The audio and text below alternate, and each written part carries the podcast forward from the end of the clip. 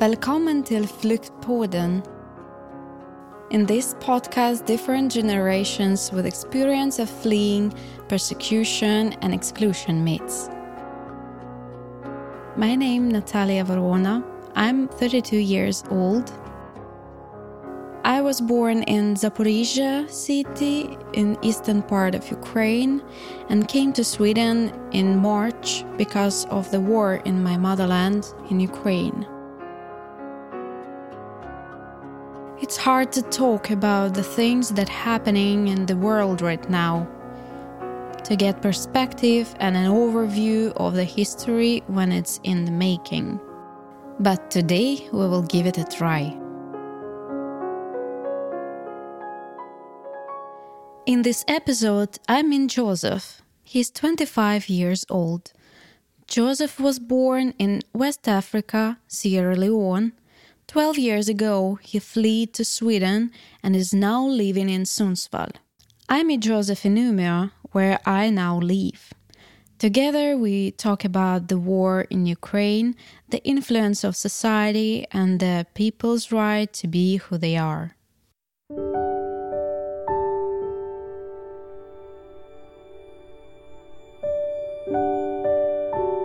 And sometimes uh, I look at myself in the mirror, I say, okay, I have a purpose. And the purpose is to still fight for who I am. That's my sexuality. And I have to stand to do this so that when I get old, my sexuality will not be lost. And people, LGBT people are not being, I'm thinking about the future. Being like five, ten years ago back in history or what will happen. They still have a lot to do from where I came from. They will never accept me to live there, to even dress like the way I'm dressing. It's not easy for you to just come out like for me to be here in Sweden. I never knew about Sweden. I never knew. I never knew. I never knew anything about Sweden.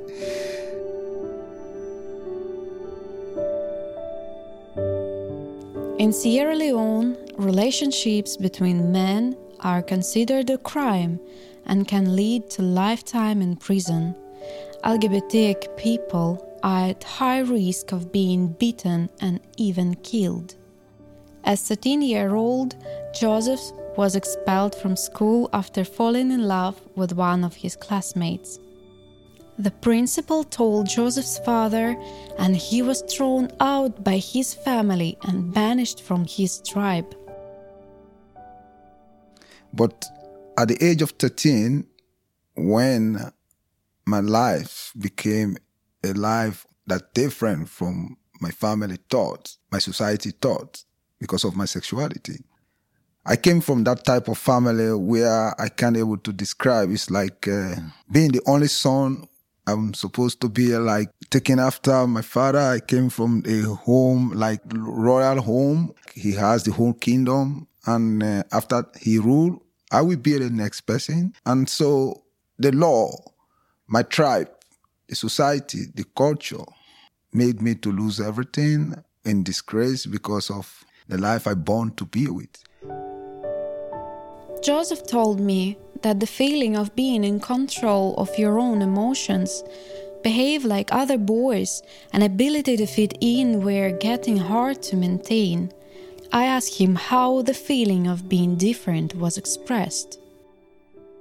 So, when I was uh, nine years, I start to eight, nine. I see myself like different within the society, but I feel ashamed. I feel myself ashamed. I used to go in the room alone. If there's nobody in the house, then I stand in front of the mirror, try to take female stuffs, put them on myself, my sister's things. And uh, when I hear voices, I just have to hide everything. I go under the blanket and cover myself.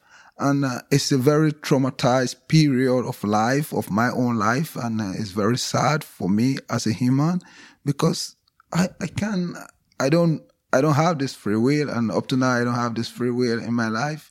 So I, I think that uh, there's nothing I can. I struggle to accept myself. Can you share, like, and describe the culture of your hometown, how it is uh, to, to live there? To live in my hometown, like like a normal person or like a like an LGBT person or like which way? Both. Okay, and uh, being like an LGBT person is you're not allowed to live, and uh, everything you do is like in secret, and uh, it is it is out of ban and it's out of law. You cannot live there, and people know you. Maybe they will kill you. For you to be in there, it's like you have been in prison. You have prison your feelings, your life, because you can't be open, and uh, and and that's there's nothing you can do about it.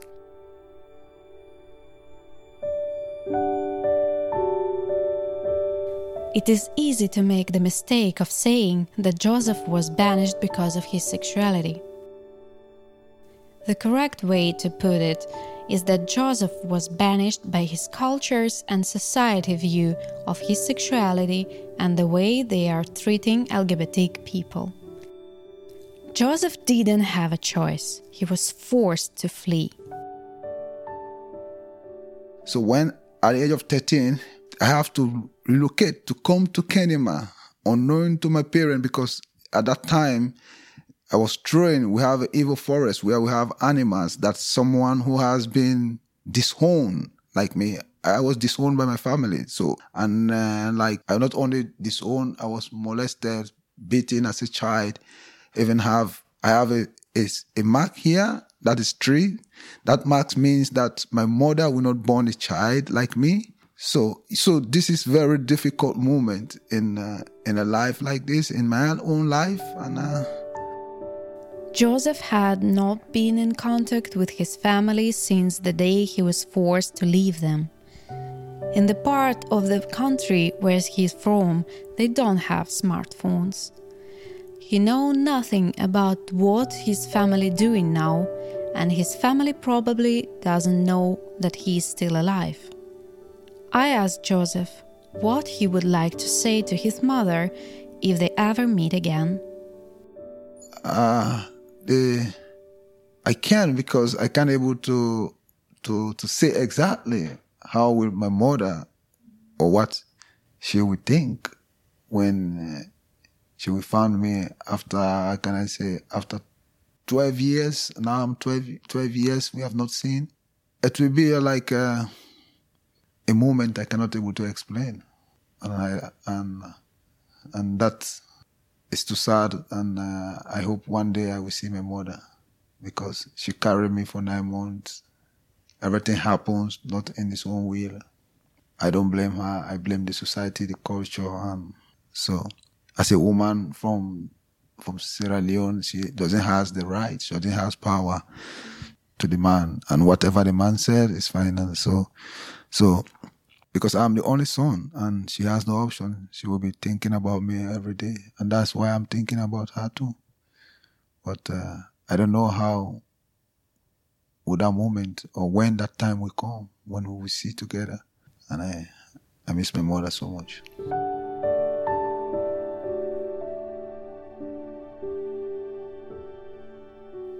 I still have my mom there in Ukraine She's a doctor and she refused to leave with me when she had this chance because she told me I'm not a traitor of my country. I have to be here to help people. The same story with my sister and nephews. They are in the eastern part of Ukraine. The things are already quite tough in there and hot fights but they refuse to leave. They want to be there in their motherland, in their home, and they pray and hope for the best, and they believe in our defenders. It pains me because I see people with their family, so I don't have that time, that love that was showing to others as I see and I don't have it, so I miss it. I find a home here, find people who accept me for who I am. My country never accept me for who I am. So I'm here. I don't want to go to places where they cannot accept me. So I was on my way go until I go to this a small town that is called Blama. I have nowhere. There's a school. I was sitting at the school, and the school has a football field. Mm. So through the football field, and uh, I slept there. And when the team comes to train, I sit by them. When they have this water they put, so mm. I, I take it. I drink the water after left over. So the coach has to look at me. Say, "I've seen you here since the morning I came back and the evening. Where are you from?" I said, "No, I'm from here." He said, if you don't have place to go, can you join me? But uh, I was scared because I don't know, and uh, I fear to tell my story, mm. and because I don't trust anyone. So I met this person. This person, it was a coach, and they have, and he has to take me home. I met this white man, and he said, "Oh, you can live here with us." And uh, I live with them in the in the house. At night, I was sleeping on the couch. So in this type of situations, you become sad and trauma because I have so much pain on me. I'm not happy about it. He said, I will help you. Going to Europe to play football, we can help you. I have be, I be with them for over like during like six months in that house. I helped them and uh, I was sexually abused by him. Yes, yeah, because yeah, I have no option. He said he will help me, and by helping me, I have to sleep. You have to sleep with me. I have to do all these things, and uh, yeah. Joseph's life story, including a lot of traumas. His way to Sweden, including both sexual and physical abuse. The same day, me and Joseph were meeting up to record the podcast, he almost didn't show up. He was afraid that the recording would be a setup a trap made of some homophobic or racist people. Like he says it, it's hard to trust when your trust has been broken so many times. Sometimes I think that uh, I have no future. And I have decided to, so many times to kill myself, to commit suicide, because I feel less pain every day and I feel no family, no one by my side. I can't make it without the support of my family and without the support of everyone. It's just like uh, I meet people who accept me for who I am and uh, who take me. They have been part of my, they are, they are my family now. To flee, leave your country, really saw the import of friends and family. To not stand alone. I had no other choice than to come here to Sweden. The intelligence telling quite long before the war started that we have to get out from Ukraine and to prepare for the invasion but no one believed. We were just sitting in our kitchen with family, with my mom, with my sister, nephews, and discussing these rumors. It felt almost impossible to have a war with your neighbors when our countries are so tightly related. We have relatives there in Russia, we have friends on both sides, so we didn't feel that that can happen. I have my husband here in Sweden. The 10 days before the war started, I got a call from Ministry of Foreign Affairs of Sweden. Uh, they told me to leave Ukraine immediately. But I couldn't do that because I was waiting for my resident status approval. Then my husband called me and asked to leave, to pack my stuff and to leave whatever country I pick. But I didn't listen to him, unfortunately. So I had to experience all this fear when the war began. 23rd of February, we were at home with my family. I got a postcard from my husband's parents where they asked to be careful. Uh, they wrote that they miss me and waiting the time when I'm back to Umeå. And I bought a pretty card for them with the picture of my native city, Zaporizhia. I wrote the text on it that we are doing pretty fine and we hope that everything is still okay, nothing to worry about. And I signed this card. I put the date 23rd February. And 24th of February, I supposed to go to post office and send it to Umeå. It didn't happen. Because 24th of February, we woke up because of the sound of fighter planes above our houses. And we had to spend few next days in a bomb shelter just to survive. So this postcard I delivered here by myself instead of post office became a small symbol of how life can change in one day. When one day you feel that everything is going okay, but the next day your country is drowned in a war. To be in Sweden with the war going on in Ukraine doesn't mean that you manage to escape the war. That you relocate doesn't make the devastation any smaller. Because every day you face the news, you watch the videos, and you are still in Ukraine with all your heart. Because friends, family are still there, and you just pray and hope that they are safe, they will stay alive, and you try to help them from here as much as you can. Me and Joseph share that feeling. Here in Sweden, he works at RFSL Ungdom, Newcomers Youth, and we share the desire to take action will be a healing for other people. Maybe have been going through the same thing to think that they are not alone. There are people who have been through that and they are still living and they can still make it. So helping all the rest, you're helping yourself too. Yeah. Yeah.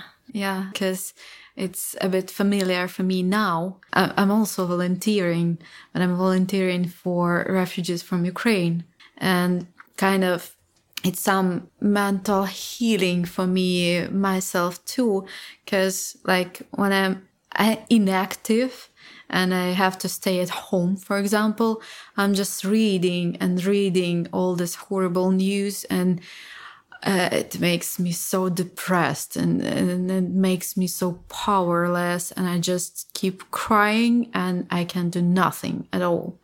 But when I'm active, when I try to help other people, I also heal myself. Yes. Because I know that I can be helpful. I can't say like saved someone's life, but they don't feel lonely anymore. They know that anytime they can call me, they can contact me uh, to hear any advice or, or just to chat. It, it, it also quite necessary we can just hug and cry together. It's also normal. It's a part of therapy. So I think uh, I'm sharing it because I want it to be healing for mm. others. I, I guess uh, it's a bit uh, the same again because uh, I, I want to share my thoughts uh, with other people who arrive here uh, in Sweden that they are not alone. So, so they won't feel lonely in their trouble. I guess it's the main goal to remind people, even the citizens of Sweden, that they can do something, even some small thing to do, some small help is already meaning a lot for refugees here. I'm not talking now only about Ukrainian refugees, but all of them. Being a part of society also meaning a lot. And if you help some, uh, uh and if you have some support from the citizens, you adapt much faster, much easier, and uh, you can feel that you belong here.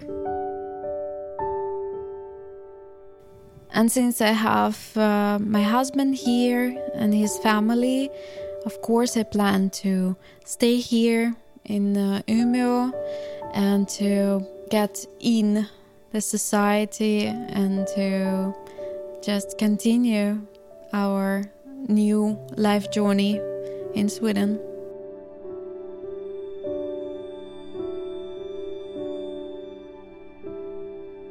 Since Joseph has lived in Sweden much longer than me, I ask him for his best advice. Yeah, and the first advice is like uh, du måste prata svenska, du måste lära svenska. So everything here is like when you go to a new country, you always have to learn the language and try to integrate. And the the last thing is like it's a country with patience. Mm. Things don't work fast. You have to have patience. Mm-hmm. If you don't have patience, you can never survive in Sweden. Yeah. Everything will come. De säger allting måste komma till sakta sakta i livet. That is why when you come to Sweden, everywhere you go, people stand in the line. Yeah. You wait for mm-hmm. your time. Mm-hmm. But just focus, mm-hmm. patient, and focus on your dream. And uh, it's like uh, being here, I just want to send this message again to people, to all over Sweden, that uh, it is hard for someone to leave his home country to come. It's not on mm. happiness. and mm. so we need people to accept us just as the way they accept themselves.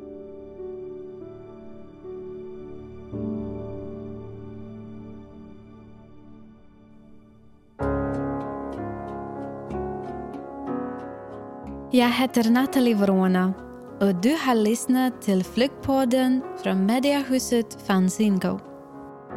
Producer was Mathilda Jakobsson, technician Johan Hörnqvist and project manager was Sophie Lund.